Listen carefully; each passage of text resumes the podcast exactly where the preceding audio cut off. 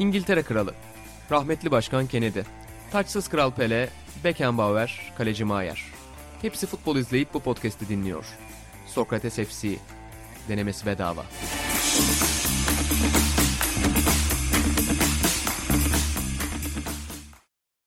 Sokrates FC'den herkese merhabalar. Ben İnan Özdemir, Atahan Altınordu ve İlhan Özgen'le birlikte geçen hafta kaldığımız yerden devam edeceğiz efendim. Aslında bu sezon bildiğiniz gibi yıldız bir transferimiz olmuştu. Sevgili Burak Balaban da programlarda bizle birlikte oluyordu. Rotasyon yapıyorduk Rafa Benitez gibi. Fakat geçen hafta yani futbola dair sevdiğimiz 50 şeyi 50. bölümü özel olarak konuşurken Atahan'ın biliyorsunuz uzun anıları, okul anıları e, bizi biraz kesintiye uğratmıştı. O Sarıyer Kadıköy arasında biraz Anıları uzayınca sıkıntı Sınıf yaşadık. maçı sonraki şey veli toplantısı. Orada veli toplantısı baba. E, o biraz bizi zorladı. O yüzden de bu haftaya kaldık ama tabii yani öz eleştiri de yapmam lazım. Çünkü öz eleştiri olmadan ileri gidemeyiz.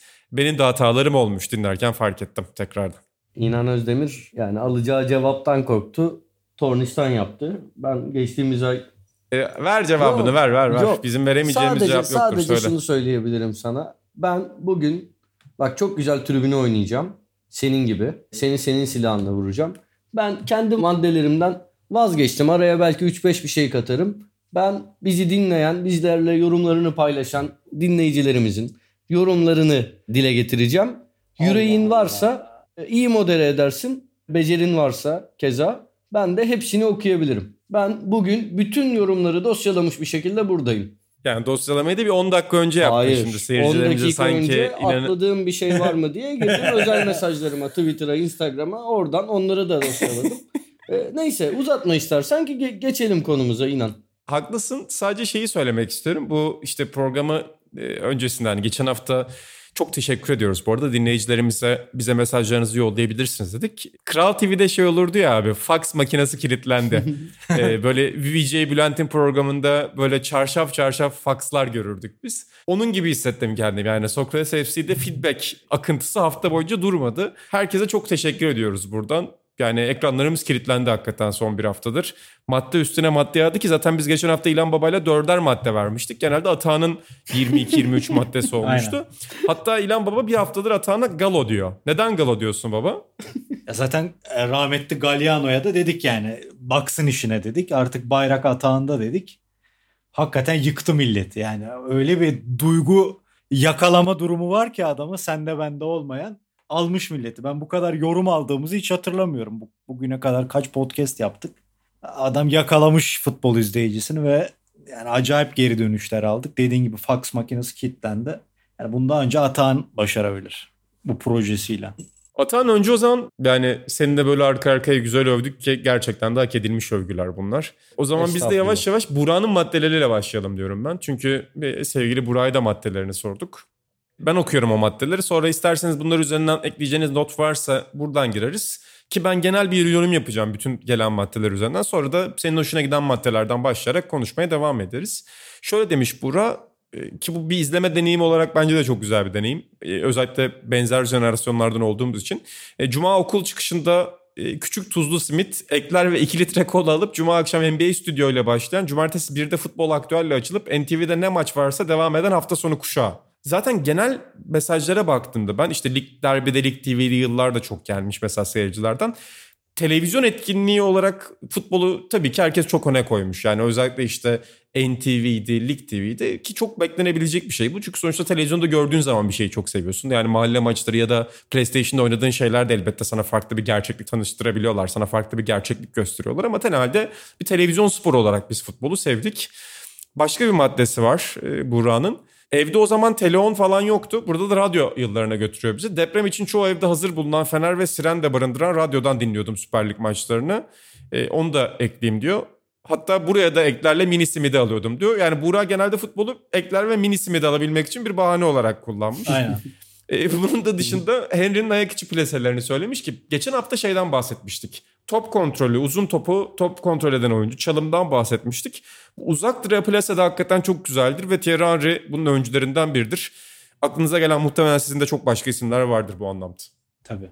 Hatta Buğra'yla yeni bölümünü çektik. Davor Şüker'in 20 golü. O da o adamlardan biriydi yani. O ayak içi iç üst plaseleri meşhurdu onun da. güzel o vuruşu yapan. Mesela Aykut Kocaman'ın fantastik golleri vardı. Ben onlar da yani bir golcü, zarif golcü vuruşlarından biri olarak sayabilirim. Öyle golcüler vardı eskiden ya. Ama Thierry Henry'ninki artık şeydi ya. Yani futbol tarihinin en imza vuruşlarından biri olabilir cidden. Onunla çok özdeşleşti o vuruşlar. Baba cidden marka. Hakikaten marka bir tabii, vuruş tabii. ve e, biz işte bundan birkaç ay önce e, özel bir şey dosyası yapmıştık. Yani Arsenal dosyası yapmıştık. Orada Thierry Henry'nin bir röportajına yer vermiştik. İşte bu Dennis Bergkamp'ın benim çok andığım kitabından, David Winner'ın yazdığı kitaptan. E, Thierry Henry orada golcüleri ayırırken yani golcüler üzerinden konuşurken işte Romario gibi Romario tipi golcülerle kendi tipi e, futbolcuları ayırmıştı. Biraz Bergkamp'ı da ona dahil etmişti. Hani o sayıda varsa onu okumanızı söylerim. Hani şey diyor mesela işte iki yolu vardır diyor. Romario gibi de bitirebilirsiniz diyor. O hep kalecinin zıplamasını beklerdi. Zıpladığında da golü atardı. Romario'nun gollerinde kalecinin hep havada yakalandığını görürsünüz diyor. Ben ve Deniz ise kaleciyi dondurmayı tercih ederdik diyor. Yani kaleci size doğru çıkmak için hamle yaptığında o anda durup oyunu durdurup ondan sonra vuruşu yapardık diyor. Bu oyuncuların neden bu kadar büyük olduklarını, neden tesadüfi olmadıklarını çok gösteren çok güzel bir ayrıntı bu da. E, Atan Duran'ın... Şeyde, buyur baba. Mesela Del Piero'nun bir bölgesi vardı yani. Adam oradan asıyordu topu köşeye. Del Piero'nun vur, yani vuruş stiliyle kaynaklı olarak. Aynı zamanda Kaka'da. Ben onu Senior ne diyor da söylemiştim de yanlış anlamışlardı. Ezber vuruş diye. Adamın bir vuruşu vardı iç üste vurdu. Ya o, o alana soktuğun anda Kaka'yı gol oluyordu resmen. İki, iki sezonu var öyle. Acayip goller atmıştı. Yani adamlar sanki PlayStation'da oynuyorsun ya da bilgisayarda oynuyorsun ve hani belli bölgeler olur ya oradan vurdun mu gol oluyor denir filan. Öyle futbolcular vardı. Ama Thierry Henry bunu çok imza, çok yani hani nasıl NBA'in logosu var, Bundesliga'nın bir logosu var, bir sima, bir futbolcu, bir sporcu üzerinden. Hani Thierry Henry'nin o plasesi de bence Premier Lig'in logosu olabilirdi bir dönemde. Duruşu, topa yatışı falan çok karizmatikti yani. Yaz baba sen Şüker deyince bir şey fark ettim. Biraz uzatıyorum Atan kızacak yine ama ben Şüker'i hep bitirici golcü diye hayal ediyordum. Yani plaseler aklımda kalmamış mesela. Belki ben az yetiştiğim için de olabilir. Yani bana da 6 pastaki gibi bir golcü gibi geliyordu ama muhtemelen yanlış hatırlıyorum ben Şüker'i. Yani sen tabii Şüker'i şey yaptın. Net izledin daha 90 sonu 2000 başı. O Sevilla, Real Madrid zamanları falan çok garip golleri var yani. Frikik'ten misal 10-12 tane golünü izledik. Biz Dinamo Zagreb'i falan çok izleyemedik. Birkaç maç izledik de sonra Sevilla'larda Real Madrid'lerdeki bütün gollerini izledik. Arsenal, Hırvatistan milli takımı. Adamın repertuarı çok genişti yani. Çok zarif oyuncu. O zaman burada yavaş yavaş diğer maddelere doğru gidelim. Burak bize 28'e NTV hafta sonu olarak verdi ki orada motor sporları da vardı. 29'u radyo olarak verdi ki hakikaten radyodan da yani bir Woody Allen uzunluğunda olmasa da biraz konuşma fırsatı bulmuştuk daha önceki bölümlerde. E, Atan sen hangi maddeden devam etmek istersin? Öncelikle yani 8,5 dakika oldu. Burada iki tane üç tane maddeyle geçiştirdin bizi. Biraz dikkat inanım. Yani iyi modere et. İkincisi ben kendi maddeme geçeyim. Bugün e, sabah saatlerinde lokantaya bir telefon aldım. Hepinize de selamlarını ileten biriyle tanıştım. Sami abi. Kendisiyle henüz yüz yüze tanışmadık ama podcast'imizden bahsetti. Her sabah işine giderken bizim podcast'imizi dinliyormuş bir süredir. Biraz son dönem futboldaki bu kavga gürültü ortamından ve futbolun konuşuluş şeklinden e, sıkılmış ama bizim podcast'imizi seviyormuş. Bana bir madde söyledi biraz yakında yüz yüze de tanışacağız kendisiyle. Biraz romantik bir madde kendisinin de kabul ettiği e, üzere. Ama onunla başlamak istedim çünkü beni mutlu eden bir telefondu. Bir Dünya Kupası maçıydı hangisiydi ben de hatırlamıyorum ama hatırlarsınız sizde Neymar'a koşan bir çocuk vardı. Güvenlik görevlisi tarafından önce engellenen sonra Neymar'ın onu kucakladığı. O çocuğun gözündeki mutluluk diyor. Yani hiçbir şey futbol dışında o çocuğu o kadar mutlu edemez diyor. Sami abiyle başlamak istedim ben. Bu telefon beni mutlu ettiği için. Ki sen de videoyu izlerken ağladın. Yani sen çok duygusal Aynen. bir adamsındır. Onu da söylemek isterim ben burada. Ya şey ağlamadım. Duygulandım. Duygulanıyorum. Ben her şeye duygulanıyorum. Yoksa ben yani bu benim favori anlarımdan biri değil şahsen. Ama ben du- her şeye duygulanıyorum. Yani saçma şey bir şey. Inan. Bununla da dalga geçiyorum yani bunu şey olarak söylemiyorum. Kendimle dalga geçtiğim bir özellik. Hani İbo Şov'a sesi güzel olan bir genç türkücü katılır ve İbrahim Tatlıses'i ağlatır ya. öyle bir öyle bir adam. Soruda bir türkü söylerler beraber ve bütün sorunlar çözülür. Dünya bir saniyeliğine güzelleşir. Aynen. Hatanı ben de bu arada e, Atağan'a dair bir madde gelmiş. Mustafa Kavran yollamış. Onu okumak isterim. Fakat ben Atağan'ın burada muhalefet yapacağını düşünüyorum. Galatasaray e, Alanya maçını izlerken Atağan'ın kesin sevdiğini düşündüğüm bir şey buldum. Baskıya gelen forveti çalımlayan kaleci. Hele bir de kaleci bu çalımı iç saha maçında yapıyorsa tribünden gelen o sesi diyor Mustafa Kavran. Atan sen aslında topla oynayan kaleciyi sevmezsin ama baskıda çalım yapan kaleciyi seviyor musun? Hayır sevmiyorum. Mustafa Kavran'ın e, yorumunu gördüm. Ben de düşündüm. Kendisine muhalefet edecektim. Yani bu risklere hiç gerek yok. E, evet hani çalım olunca güzel oluyor ama 20 tane güzel çalım bir tane orada yapılacak hatayı telafi etmez. Dolayısıyla gereksiz bir hareket olduğunu düşünüyorum bunun zaruri durumlar haricinde elbette. Ki e, ben daha önce de söylemiştim benim babamın mesela futbolu sevdiği şeylerden biri de hep söylerim Manuel Neuer'i izlemek. Yani Manuel Neuer nerede gol yiyecek? O da bir challenge yaratıyor ki 2-3 kere hata yaptı Dünya Kupası'nda da yaptı. Manuel Neuer bunun öncüsü ki gelmiş geçmiş en büyük kalecilerden biri. Fakat yani tam tersi işte Atan gibi e, onun gol yemesini o tip İnan. kalecilerin gol yemesini bekleyen çok seyirci de var. İnan Neuer benim saygımı kazandı. Neuer beni alt etti. Ben Neuer'i yıllarca bu hareketlerini e, biraz abartılı buldum. Hatta bir gece rüyamda Hacı 50 metreden Neuer'e gol atıyordu yani. Rüyamda gördüm bunu. E, ama zaman içinde Neuer gerçekten çok takdirimi kazanan bir isim oldu. Beni alt etti. Vazgeçtim ben. O zaman sırayı sana bırakıyorum. 31 olduk böylece. Bu arada, ben yine de seveceğimizin maddesini yazdım. Buyur baba. Atağan'ın dergide Higuita ile ilgili bu işleri sevmediğini özetleyen çok da güzel bir yazısı vardı. Sahte bir hatta. Başlığı da oydu sanırım. evet kendisini e, hoşanmıyorum. Değil mi Atan? E, başlığı ne dedim baba duyamadım. Başlık sahte bir dedim ha, öyle bir ha, Evet başlık. evet biraz Aras Yetiş'in şakalarından yola çıkarak. Yine mi ben söyleyeyim ben anlamadım sıra İlhan'a geçmedi mi? Sen devam et birkaç madde seyircilerimizden sonra ben İlan Baba'ya döneceğim. Yani tamam. 35-36 gibi İlan Baba'ya döneceğim. Seyircilerimizden devam ediyorum. Kel Snoopy nickli biri yazmış. Morali bozulan futbolcuyu teselli etmek. İlhan Mansız Fevzi Tuncay örneği vermiş. Aynı zamanda sevgili dostum Eray Sözen de hafta içi sohbetimizde bana hani senin bunu söylemediğine şaşırdım diye belirtmişti. O da Hacı'nin Monaco golünden sonra o dönem çok hata yapan Tafarel'e koşuşunu örnek vermişti ki Eray Sözen Ali Samiyen, Metin Oktay ve Georgi Hacı'dan sonra Galatasaray'la en özdeşleşmiş isimlerden biri olarak tabii başka bir örnek veremezdi. Sevdiğim bir şey benim de. Bu maddeye katılıyorum. Abi benim onda hep düşündüğüm şey yani e, belki ofiste de konuşmuşuzdur bunu içine forma giyiyorlar ya bazen oyuncunun formasını gol atmak için. Çok evet. ilginç bir durum. Yani bütün maç boyunca rahatsız bir durum aslında. Başka bir forma içinde takılıyorsun ama öyle de bir özgüven var futbolcularda. Bir yandan da şey düşünüyor olabilirler. Ben bunu giydiğim zaman gol atacağım. Futbolcular hem özgüven hem de batıl inancını severler bu işi. Ya hem de başkası için de oynamak aslında biraz daha motivasyon yaratıyor olabilir. Bence yani şimdi inan ben bir şeyi belki ya kendimden ayırayım sen sana söyleyeyim. Sen bir şeyi kendin için yapsan belki bir yerde vazgeçebilirsin. Daha dış etkenlere açık olabilirsin ama başkası uğruna bir şey yaptığın zaman bence biraz daha sonuna kadar gitmeye motive oluyor insan. Bence forvetlerin, e, golcülerin kendisini bu anlamda da daha iyi motive ettiği bir unsur yaratıyor olabilir. Peki burada ben hadi İlhan Baba'ya yönelik çok güzel bir madde gelmiş. Onu okumak istiyorum. E, seyircimiz adını unuttum lütfen kusura bakmasın. Altın gol uygulamasından bahsetmiş. Babaya önce bunu soracağım. Yani uzatma uygulamalarından... Yine Mustafa e, Kavran bu arada söylemişti. Altın ha yine gol. Mustafa Kavran. Evet. Bu uzatma uygulamalarından favorini soracağım İlhan Baba sana. Çünkü seyircimiz hatırlatırken şey demiş. İşte unutulmazları sayarken İlhan Mansız, Jardel'i saymış ve e, daha önce bizim konuştuğumuz İlhan Özgen'in belki hatırlamak istemeyeceği Trezege Euro 2000 çok konuştuğumuz bir finaldir. Sen altın golle aran nasıl? Yani altın golü bir futbol fikri olarak sever miydin?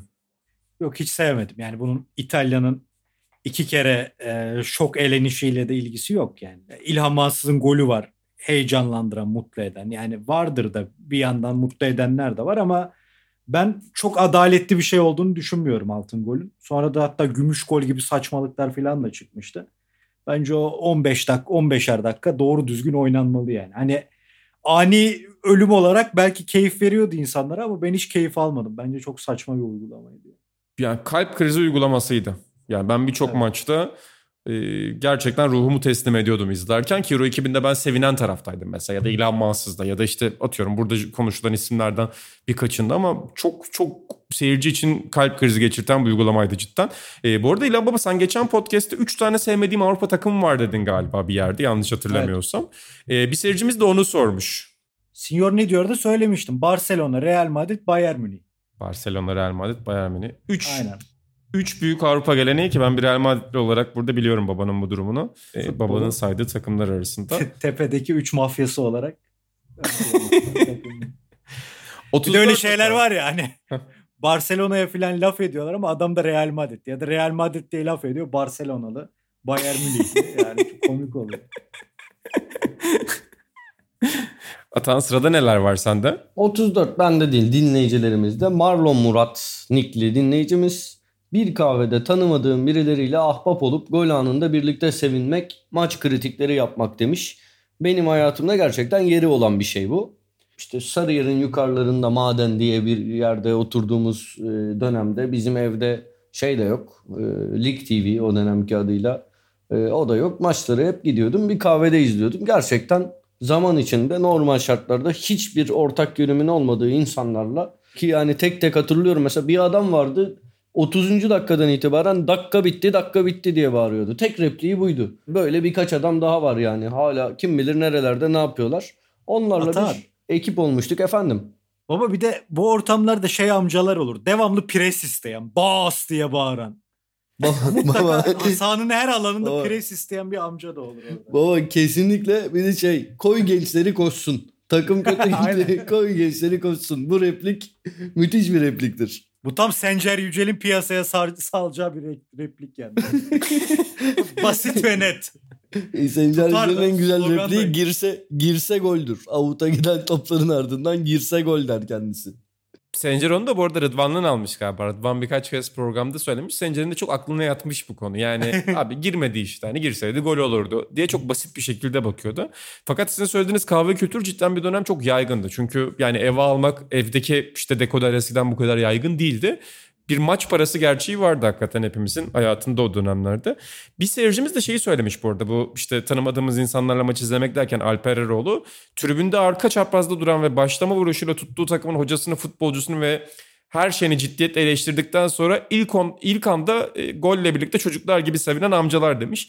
Bu bir yandan şirin bir şey bence ama mesela benim genel olarak tribünde maç izlemeyi sevmeme sebeplerinden biri de bu aşırı agresyon tribünlerdeki. Yani her oyuncuya, her konuya dair edilen küfürler e, cidden maç izlemeyi de bir yandan tatsızlaştıran şeylerden biri. Ata'nın ve İlhan Baba eminim sizin çok daha fazla tribünün anınız vardır bu konuda. Ya ben en son sık tribüne gittiğim sezon Fernandez'in Beşiktaş'ta oynadığı 2011-2012 sezonu.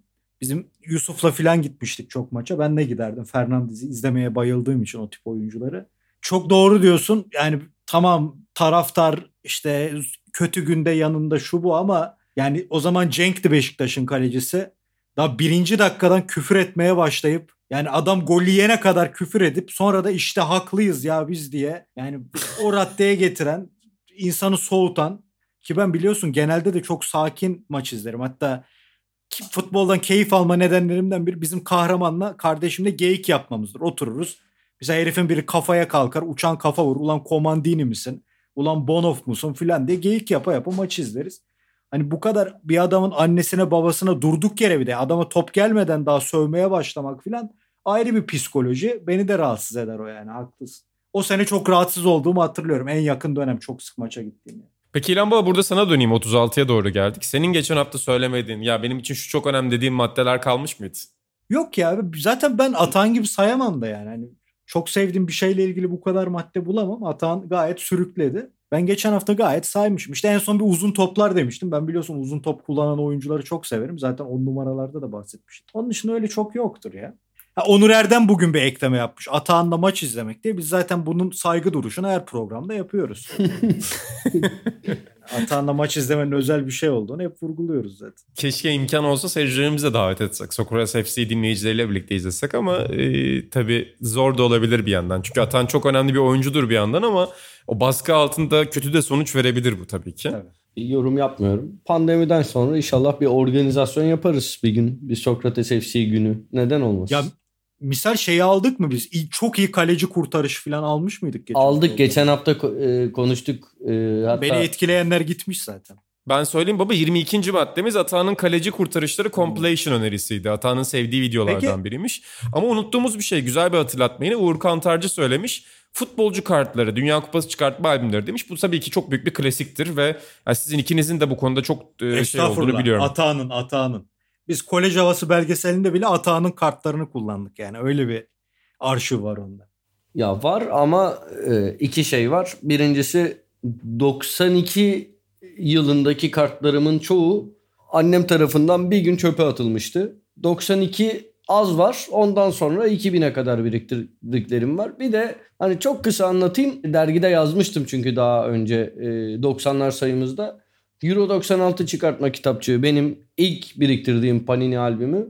Bizim evde bir buçuk iki ay evin ana gündemi buydu. Yani evin oradaki babamın çok iyi anlaştığı, sohbeti olduğu e, marketle bile bu yüzden küstük. Babam boykot etti. Bir daha 20 sene gitmedik oraya.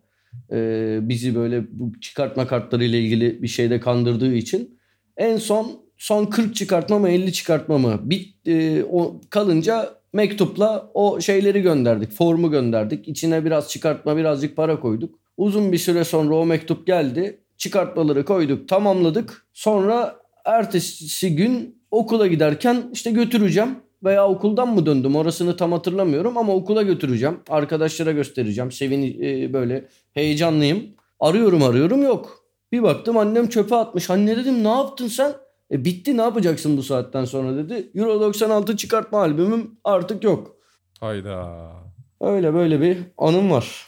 Ama ama en en son seni ofiste hatırlıyorum yani. Son Dünya Kupası'nda mıydı? Avrupa Şampiyonası'nda mıydı? Deliler gibi takas yapıyordum milletle. Evet Tabii bir de benim böyle şeylere heyecanım yok diye beni üç kere falan fırçaladı o süreçte. Ya aslında çok pahalı. Ben de biriktirmeyecektim. Sağ olsun Fatih Demireli bizi dinler muhtemelen. Almanya'dan gelirken bana böyle bir kutu çıkartma hediye etmiş. E, getirdi, getirmiş. Ben de ne yapayım biriktirdim. Bitirdim galiba sonra. Bitirmiş olmam lazım. Bu arada burada Aras yetişti anayım bizim. Çünkü o da sporcu kartlarını çok sever. Daha çok basketbolcular üzerinden çok sever ki bizim geçen sene yaptığımız sayılardan biri. Hangisi olduğunu hatırlamıyorum. Orada işte Amerikan bir sporcu kartı biriktirme üstadı ile birlikte bu konunun röportajını yapmıştı. Aynen. İşte Amerika'da özellikle beyzbol kartlarından çok başlayan bir gelenek bu.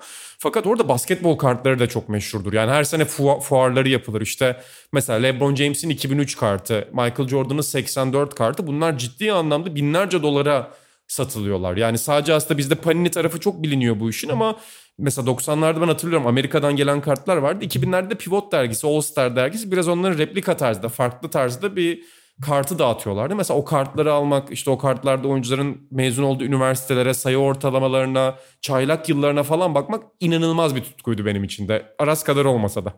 Beyler peki futbol oyunları dedik mi? Çünkü birçok insanın futbolun içinde kalma, futbolu daha çok tanıma, futbolcuları, takımları, nedenleri oyunlar. Özellikle CM dönemi filan. Hani ben kendi adıma da konuşurum tabii ama genel olarak futbol oyunları insanların ya da spor oyunları diyelim bir sporu sevmesinde çok faydası olabiliyor.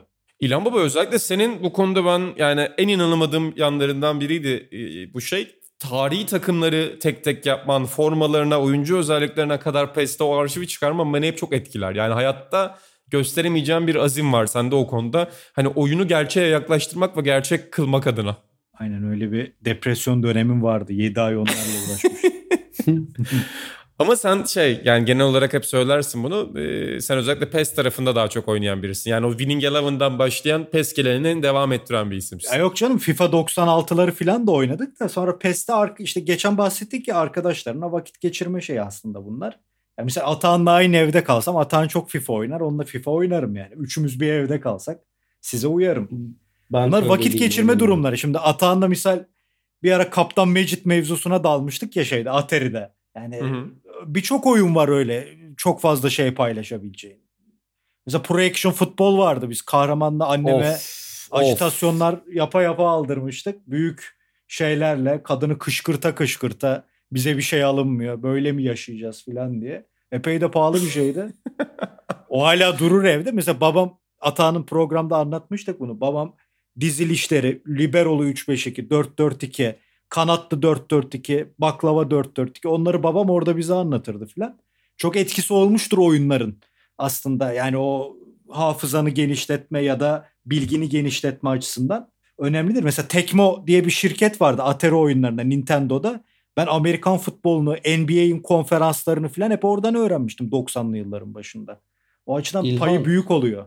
İlhan ben de o şekilde işte tüm bunları yaşadıktan sonra bir gün işte ilk babamın bana bilgisayar aldığı sene FIFA 99'u görüp şey demiştim ben.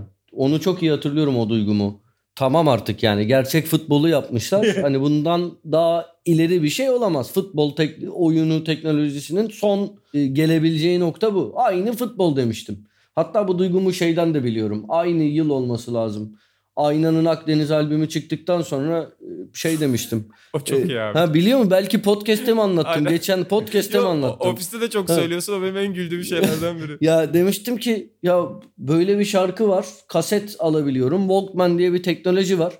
Bundan sonra sıkılmak bitti. Hayatım boyunca her sıkıldığımda bunu dinlerim. Sıkılmak diye bir şey kalmadı. FIFA 99'la o hani benzer ister olarak aynı yıl e, benim o yılki vizyonumun e, genişliği veya darlığı konusunda fikir verici olabilir diye söylemek istedim. Abi ben onu 2K'da yaşamıştım. 2K'nın hangi senesiydi artık hatırlamıyorum. Yani 12. Herhalde Baba 12 ama 12'den önce de mesela ben birkaç 2K'da şey hissetmiştim. NBA Live zaten çok gözden düşmüştü. Yani herhalde basketbol bundan daha iyi yansıtılamaz artık diye oyuna düşünmüştüm. Araba yarışlarında da şey hep düşünürdüm. WRC'de aynı duyguyu yaşamıştım. Fakat yani onların öyle bir ötesine geçildi ki yani şimdi bakıldığında aslında Atan'ın söylediği gibi oyunlar bile çocuk oyunu gibi geliyor olabilir bize aslında o günlerde acayip gerçek geliyor. Ah biz ne zaman bu kadar doyumsuz olduk inan. Gene düşündürdü. evet Atan devam. Ee, şimdi bu maddeyi kısa geçeceğim. Bir gün buna dair ayrı podcast yapalım. Eren Babacan ve Zekai Yamashito mahalle maçlarından bahsetmişler. Yani burada mahalle maçlarına girersek çıkamayız. Ben çıkamam. Ki bu bölüm hani ben hep diyorum ya hep podcast'e giriyorum ya şimdi biz 40-50 dakika ne konuşacağız diye. Bugün 4 saat konuşasım var. O 4 saatin 1 saati mahalle maçları olur. Sadece madde olarak geçelim çünkü girersek çıkamayız. Peki Atan sana bir soru. Sen de öyle bir tip olduğunu bildiğim için söylüyorum. Çok kavga eder miydin Alsa şey ve Yok, mahallede? Hayır etmezdim. Ben hiç ben kavgaları yapmayın beyler. Hani yapmayın sakin olun. tabii tabii. Vallahi ben o taraftayım. Ben çok az kavga ettim hayatım boyunca. Ben Ama de tam şey... tersi çok kavga ederdim mahalle maçlarında. Allah Allah. Aynen. Ben inana çok... inanamadım. Ben biliyorsun Ama... burada şununla övünmek isterim. Hayatımdaki nadir kavgalardan biri. Değer, bir önceki podcast'te de ismini almıştık. Ee, değerli editörümüz Kaan Demirel'in kardeşi Arda Demirel'e tekme atan rakip takım Polonyalı futbolcusuna bir sonraki podcast'te e, şey bir sonraki halı sahada sahanın tam aynı noktasında aynı tekmeyi atmış olmaktan gurur duyuyorum. Kendisi de bir daha maça gelmedi. İyi oldu. Eyvah. Çok nadirdir. Çok hayır çok na çok haklı bir hareketti. Bu hayatımın en gurur verici 10 olayından biri. Ama normalde kavga etmem. Abi ben de NBA takım yani şimdi mesela NBA oyuncuları şey kavgası yapıyor ya rakibe rakibin üzerine doğru gidiyorlar biri ayıracak mı diye bekliyorlar. Yani etrafta ayıracak biri varsa rakibe doğru koşuyorlar. Sanki acayip bir kavga olacak gibi. Millet ayırıyor. Büyük bir kavgadan dönülmüş gibi oluyor. Ya ben de o raddeye çok gelirdim. Yani kimsenin ben öyle yüzüne falan vurmam da. Yani herkes de böyle bir sinirlenirdim işte.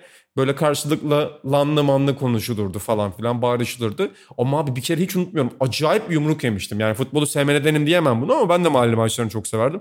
Abi çocuk yumruğu tam böyle gözümün üstüne bir oturttu. Yani hiç unutmadığım şeylerden biridir. Mahalle maçı denildiğinde o yumruğun hissi ve tadı hala geliyor şu anda gözümün önüne. Vay be. İnan Özdemir de kızıyormuş demek ki. bir manyak bir dönemim vardı baba benim ya. Yani, yani İnan Özdemir'in kızdığını annem... gördüğüm ikinci olay bu. Birinde bana enerji içeceği içiyorum. evet. Şuncacık kutuda kalp krizi geçirecekse bırak geçirsin be inan. bu, bu, bi, bu bilim dolu cümleden sonra inan Özdemir delirmişti.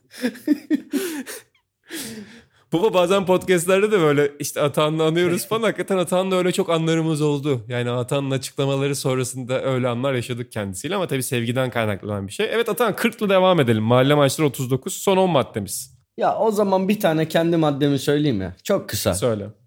Ya ben pilot kameradan offside görmekte dünya markası olduğumu düşünüyorum. Pilot kameradan offside'ı gördüğüm anda çok mutlu oluyorum. Yine bak arkadaşım genç Bilen Asdemir'le ortak bir özelliğimizdir. O da iyi görür. Biz birbirimizle birbirimize övünürüz bu konuda. Çok iyiyim, çok iyiyim bu konuda. Dolayısıyla bunu yakalayınca direkt böyle pozisyon devam ederken offside deyince ve offside çıkınca ben mutlu oluyorum. Özellikle şey değil mi böyle gol falan olduğunda bir de millet seviniyor tabii, falan. Tabii tabii sakin, sakin olun. Offside, sakin offside. olun offside. Çok severim. Hakikaten güzel bir özellik. Ya ben de kendimi iyi düşünüyorum ama senin özellikle bu konudaki iddianın farkındayım ki sen aslında gözlükle falan maç izlersin. Sebebi de bu biraz değil mi? Daha iyi görebilmek için. Tabii ki. Ya miyop ve astigmatımın da bir payı vardır yani. Günlük hayatı görmeden yaşıyorum. Ee, ama maçlarda takıyorum o gözlüğü. İki buçuk falan yani gözüm. Ki inan olimpiyat oyunlarında filan acayip benzetmeleri vardır Atağ'ın biliyorsun. Göremediği sporcu ünlülere benzetir. Ve alakası yoktur o ünlülerle sporcunun. Yani o kadar kör aslında ama offside'ı görüyor cidden. İşte hakem hocası demiyoruz bu. Şuna hakikaten çok acayip bir hakem hocası. Zaten o maç izleme deneyimlerinin bir parçası bu da. Ya ben size bir tane... Atan, söyle baba. Atan futbolla çok iç içe bir adam. Onun hakem hocası olması ya da kararlarda melekesinin olması normal. Ama ofisimizde Ali Çolak gibi bir gerçek var biliyorsun. Yani futbolla ilgisi yok ama hakem hocalığında bir markadır o da. Yani Atahan'la Ali Çolak'a biz gösteririz pozisyonları penaltı mı değil mi diye. Onu da analım buradan. Bir de baba Ali'nin en önemli özelliği çabuk şımarmasıdır. E, son dönemde benim gördüğüm kadarıyla şey yapıyordu maçlarda. Sorun bana, gösterin pozisyonu, sorun Aynen. falan deyip tartışmalı pozisyonları istiyordu, çağırıyordu. Ama, Ama VAR protokolünü falan çok takip ettiğini düşünmüyorum. Yakın dönemde kendini yenileyemedi bence. Abi VAR'a geçtim. Adamın ömür boyu izlediği toplam 90 dakika sayısı 4 filandır zaten. Yani o derece futboldan uzak. Ama hakemliği biliyor adam. O da bir yetenek. Ben size bir madde atacağım buradan. Alp Bey sormuş. Ee, özellikle İlhan Baba, Alp Bey söylemiş. İlhan Baba sana burada pas atacağım. Şenol Güneş'in sezon başı kamplarında düzenlediği bir buçuk saatlik basın toplantıları demiş. Şenol Hoca'nın en önemli özelliği konudan konuya atlamaktır. Burada ben Canan Duygu'yu da anayım. Canan Duygu da çok sever. Hatta biz birbirimize hep Şenol Hoca'nın o basın toplantıları videolarını ve açıklamalarını yollarız. Geçen günde yağmur yağması üzerinden bir mesela eski açıklamasını dinledim. Çok güzeldi Twitter'da. Ee, ben burada İlhan Baba önce sana sonra Atahan sana soracağım. En ben yani dinlemeyi en sevdiğiniz teknik direktör her anlamda olabilir. Böyle basın toplantısında bir şeyler futboldan bahsetmesi gerekmez. Anlatsa da dinle, dinleyeyim diyeceğiniz insanlar. Ya kendini ifade artistik anlatım, edebiyat güçlü olması falan mesela Arrigo Sacchi'nin bayağı iyi yani. Adam bildiğin bir sinemacıyla konuşuyormuşsun gibi konuşuyor. Zaten şöhretin %60 falan oradan geliyor hala devam etmesine. Hakikaten çok iyi konuşuyor yani. Muazzam röportajları falan. Hani röportajı sen ben Atahan yapsak highlight çekerken hiç zorlanmazsın herifin röportajlarına. Öyle iyi röportaj veriyor.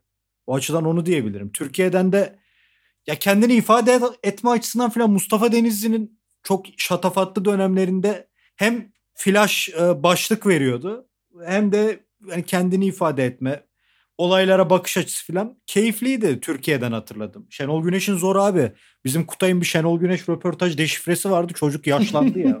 Yani evet Şenol, Şenol Hoca çünkü çok farklı yerlere gidiyor Aynen. bazen. Şenol Hoca'nın deşifresi çok zor mesela. Ee, ben de yani Kutay hep anlatır mesela. internet sitesi geçmişi olanlar çok yaşar. İlhan Baba Atahan siz de yaşamışsınızdır. Yani özellikle futbol dünyasının hararetli dönemlerinin ki Türk futbolunun hararetli olmadığı bir dönem yok. İşte Aziz Yıldırım çıkar bir yerde açıklama yapar. Fatih Terim çıkar bir yerde açıklama yapar. Mesela Fatih Terim'in çok kolaydır. Çok duraksayarak konuşur. Fatih Terim'in konuşmasını deşifre etmek sıkıntı değil. Ama Şenol Hoca çok hızlı konuşuyor mesela.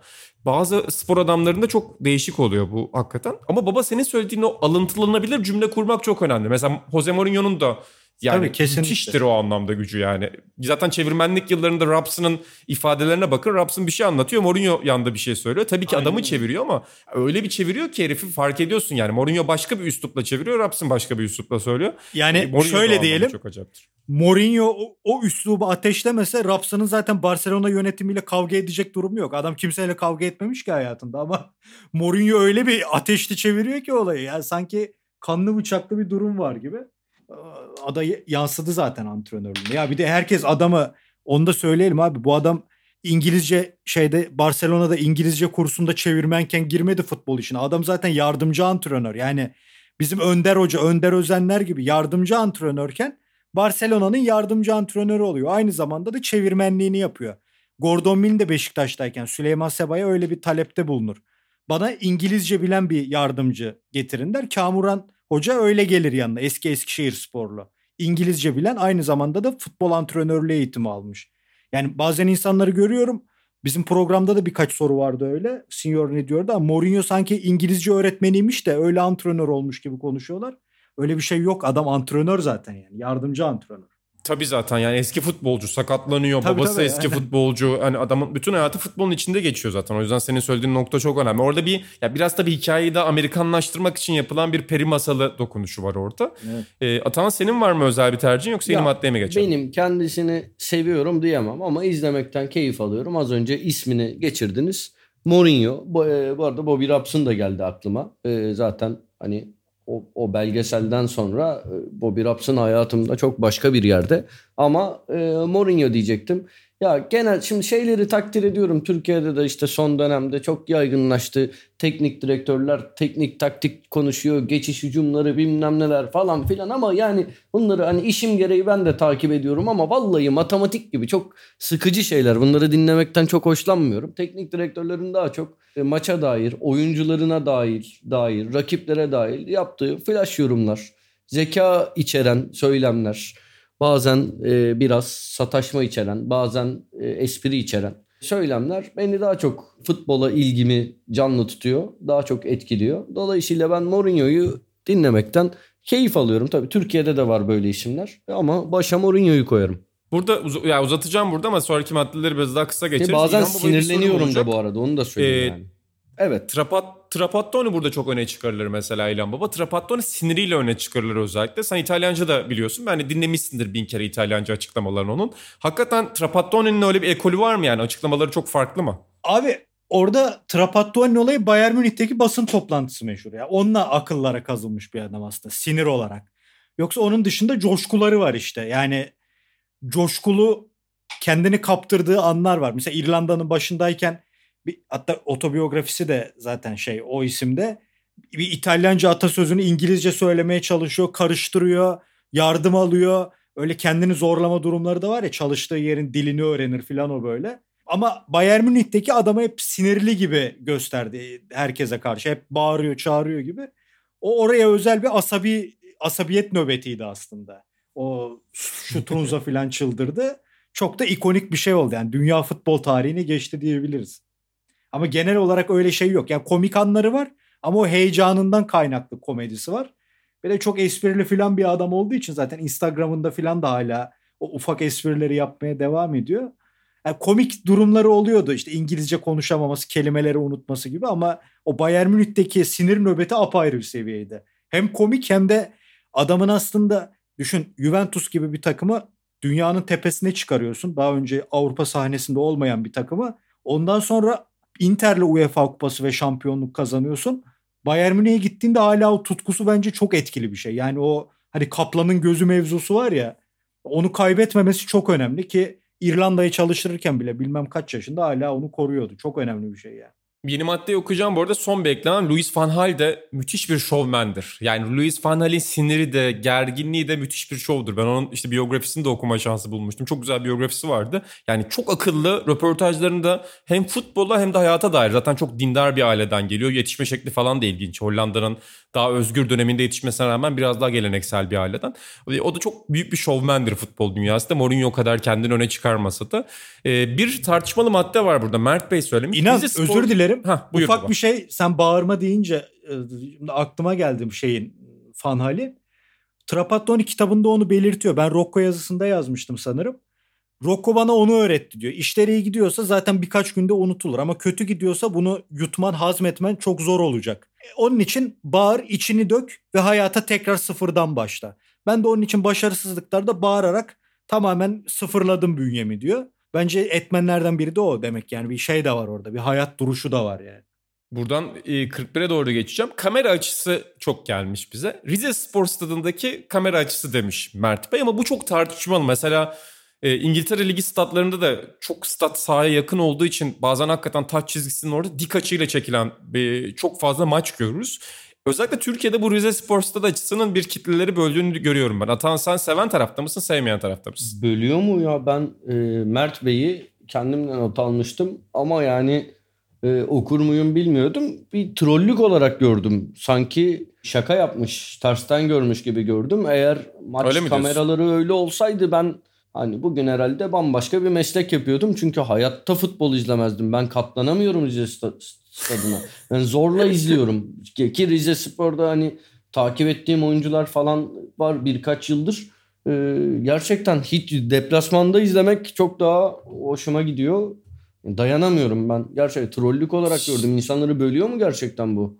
Ya haklı olabilirsin. Ben bu arada o kadar da çok takip etmiyorum tabii ki ama en azından İngiltere özelinde konuşayım. O açının İngiltere'de biraz daha makul olanları var sonuçta ya yakınlık orada, anlamında. Evet. E, o tip açıların bazıları hakikaten güzel oluyor maç izleme anlamında ama Rize Spor'unkinde biraz şey havası var. Altyapı maçlarında bir açı vardır ya mesela o da izlemeyi çok zor kılar. E, ona benzeyen bir tarafı var tabii ki. Ben Highbury'yi severdim. Ben de çok, çok, çok severdim. Güzeldi. Çok severdim. Çok güzel. Orada stat da güzel. Yani hatta bize şey de gelmiş. E, başta az iş çok laf nikli biri e, bir dinleyicimiz söylemiş. Stada girip de yeşil zemini gördüğün an yani hatta tek başına Premier Lig yeşilini bile söyleyebilirsin burada futbola dair sevilen şeyler ama gerçekten hepiniz de bunu şeyde de geçer. Fever Pitch'te de geçer biliyorsunuz hem kitapta hem filmde e, o sahaya tribüne çıkıp da ilk yeşili gördüğünüz anı herhalde unutmamışsınızdır hiçbiriniz. Bu arada Highbury gerçekten maç izlemesi yani gitmedim tabii ki ama yani televizyondan konuşuyoruz. Televizyonda bile en önemli stat yani şu andaki stadıyla kıyasladığımda sanki iki farklı futbol takımını sadece futbol takımının kalitesiyle alakalı değil hepimizin yaşadığı bir histir o. İzliyor gibi hissediyorsun yani o takımın güzelliği de tabii ki bunda etkiliydi ama Highbury gerçekten çok güzeldi izlemek anlamında. Abi genç arkadaşlar yani romantiklik gibi görüyor da bence hani mimari bilgisi olan insanlar daha iyi değerlendirir. Eski statların kendine has bir kimliği var ya misal yani Highbury'nin bir kimliği var. İşte Artemio Franchi'nin bir kimliği var. San Siro'nun bir kimliği var. İyi kötü fark etmez. Yani yeni statlarda sanki o kimlik ortadan kalktı gibi. Hepsi büyük futbol kutusu gibi bir şey oldu. Futbol oynanan kutu gibi bir şey oldu. Yani ben eski Wembley ile yeni Wembley'e de baktığında tamam belki yeni Wembley çok modern, çok güzel her şey ama eskisinin o karizması daha etkili gibi geliyor bana. Yani buradan da şey diyebiliriz hakikaten. Güzel statlar daha çocuk aklımızda futbol izlerken bize bir ah ulan bu ne dedirtmiştir. Onun da etkisi vardır futbol sevmemizde. 42 Premier Lig yeşili demiştim az önceden. 43'e güzel deme, stadı ekledim bunun üzerine. 42 o ha. değil ya. O yan madde gibi. Tamam ya güzel stadı ekleyeyim o zaman 42'ye. Ee, hani yeşil üzerinden güzel ha, Rize'yi yazmadık değil mi yani? Ya kamera açısı dedim ona. İstediğiniz Peki. kamera açısı olabilir. Az önce konuştuğumuz kamera açısı da olabilir. Ee, İlhan Baba'nın dediği şey orada önemli ki senin özellikle eski Wembley'i çok sevdiğini biliyorum. Yani televizyondan izlerken, bilgisayardan şu an izlerken bile eski Wembley'de maç izlemenin havasının hep daha farklı olduğunu söylersin. Acayip. Muazzam bir şey. Çok Atan korkutucu, sana, ürkütücü bir şey yani. Sana 43'ü bırakıyorum burada. 7 maddemiz kaldı. Direksiyonu sana bırakıyorum. Ya dinleyicilerimizden birinin maddesini yine söyleyeceğim. Codino Padrao kullanıcı isimli Twitter nickli dinleyicimiz. Karambol demiş ki benim de maddelerimden biriydi. Artı kornerlerdeki itip kakışmalar demiş. Yani buna çok bir yorumum yok. Artı yedek kulübesi konuşmaları demiş. İşte televizyonda maçın hikayeleri verilirken. Bununla ilgili en sevdiğim olay da benim e, hatırlarsınız tahminim. Polisin Mustafa Denizli'ye oyuncu değişikliği önerisi yapıp Mustafa Denizli'nin onu ya git bak işine diye böyle itmesi bugün olsa Mustafa Denizli e, herhalde böyle polise mukavemetten 8 yıl 4 ay ceza alıp FETÖ'cü falan ilan edilebilirdi. Her şey olabilirdi. Çok sevdim. Vatana el uzattı. Vallahi billahi ya. Ama çok güzel orada işine bak deyip itmesi adamı. O zaman yedek kulübesi konuşmasını alırız. Hakikaten söylediğin gibi yani şimdi çok fazla mikrofon falan da koyuluyor oraya o konuşmalar ama eskiden Lig TV özellikle Şansal Büyük abuna çok vurgu yapardı. Maçlardan sonra Lig TV'de böyle işte maçın eğlenceli anları diye bunlar gösterilirdi. Orada işte Tuncay Şanlı gibi futbolcuların özellikle o mizahi yanlarını çok görürdük kullandık. Şeyleri de hatırlar mısın inan? Şey böyle dergilerde fotoramanlar yapılırdı böyle komik olduğu düşünülen sözler baloncuklarla oyuncuların ağzına yerleştirilirdi. ben onları da çok severdim. Yani çok kalitesiz ama zevkli bir gelenekti. Abi, abi kesinlikle yani komik olanını çok nadir gördüm ben de ama futbol karikatürleri çok iddialıydı. Bir de yani burada şeyi de anmak lazım. Bence o da çok acayip bir gelenekti. Daha önce de maddelerde saymamışız kontrol ettim şimdi. Gollerin canlandırılma çizimleri de çok acayip. Onları çok severim. Onlar benim hayalimde yani çok çok yer kapladı izlemediğim maçlarda. Ama yani o Lig TV'nin cidden yedek kulübesi konuşmaları işte Tuncay bir şaka yapıyor. Bilmem ne bir şaka yapıyor. Arkada acayip bir müzik var böyle sesli bir müzik var falan. Altyazıyla verirlerdi zaten o konuşmaları genelde. Yani gerçekten futbolun kendisinden maçın kendisinden çok daha zevkli olan kayıtlardı. Şu an çok fazla onlara vurgu yapılmıyor benim gördüğüm kadarıyla. Yani şu an belki futbol ortamının da verdiği bir etki olabilir. Yani o zaman da çok kavga tabii ki yapılıyordu. 2000'ler başından bahsediyorum ama şu an mesela maç içi konuşmalarına ekstra bir program var mı? Varsa da ben kaçırıyorumdur belki. Abi onu yapsam bile yok o takımı yaptım bunu yapmadın. Şunu neden çok koydunuz? Öyle bir ton sıkıntı olur yani. Ben mesela NBA'de şey çok güzel oluyor baba. NBA'de çok hani kontrol ediyorlar o konuşmaları ama mesela Steve Kerr ben hep söylerim ya dünyanın en iyi insanı diye. Hmm. Mesela işte Steve Kerr'ün iki sene önce yansıyan bir açıklaması vardı. Kevin Durant'e e, Phil Jackson'la Michael Jordan'ın bir konuşmasını anlatıyor. İşte Michael Jordan'a Phil Jackson'ın o meşhur konuşması vardır ya ikili sıkıştırma geldiğinde boş adamı gör, boş adamı bul diye. Ki zaten işte John Paxson ve Steve Kerr üçlükleri burada çok etkili oluyor işte o pastör üzerinden gelen. Onu Kevin Durant'e anlattığı bir şey vardı. Muhteşem bir diyalog. Yani onun ekrana yansıması gerçekten maçın kendisinden daha önemli bir değer diyebilirim burada. Deyip 45'i sana bırakayım. Yani yedek kulübesi konuşması arkasından futbol karikatürü ve gol canlandırma çizimleri dedik. 45'te ata sendeyiz. Cemil Can Çolak demiş ki abi şu herif niye olmadı ya muhabbeti. Ee, ben de küçük bir ek yapayım.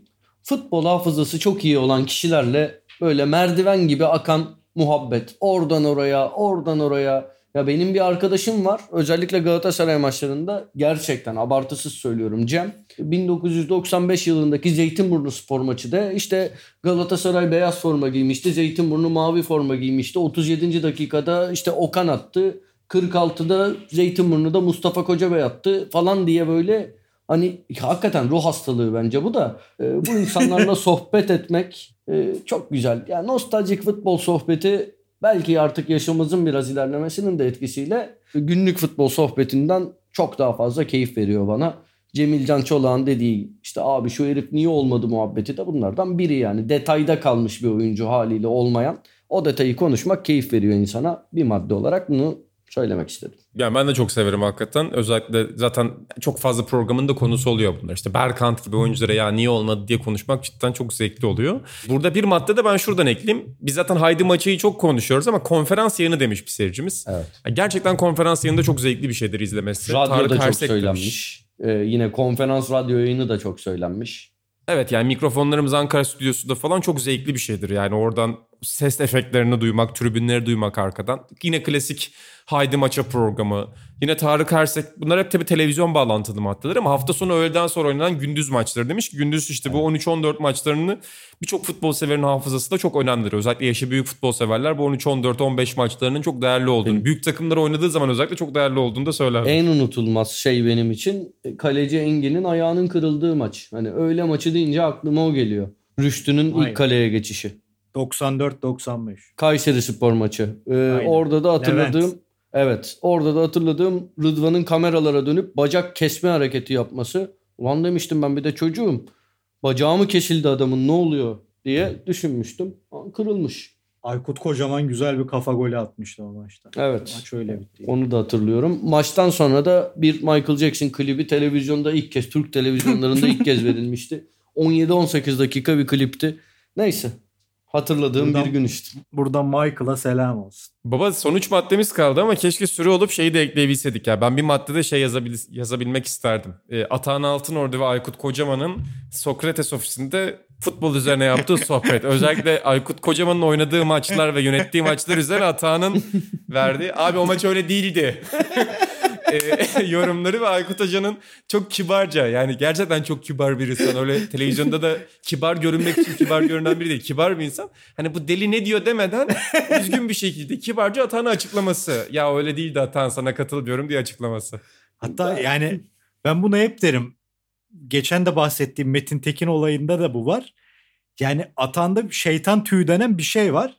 Onu Aykut Kocaman'a sen ben yapsak adam yani umursamayabilirdi ama Atahan'la o o kafaya girmek istiyor adam. Yani koca Aykut Kocaman'ı gördük Atahan gibi kahkaha attı, espriye karşılık verdi.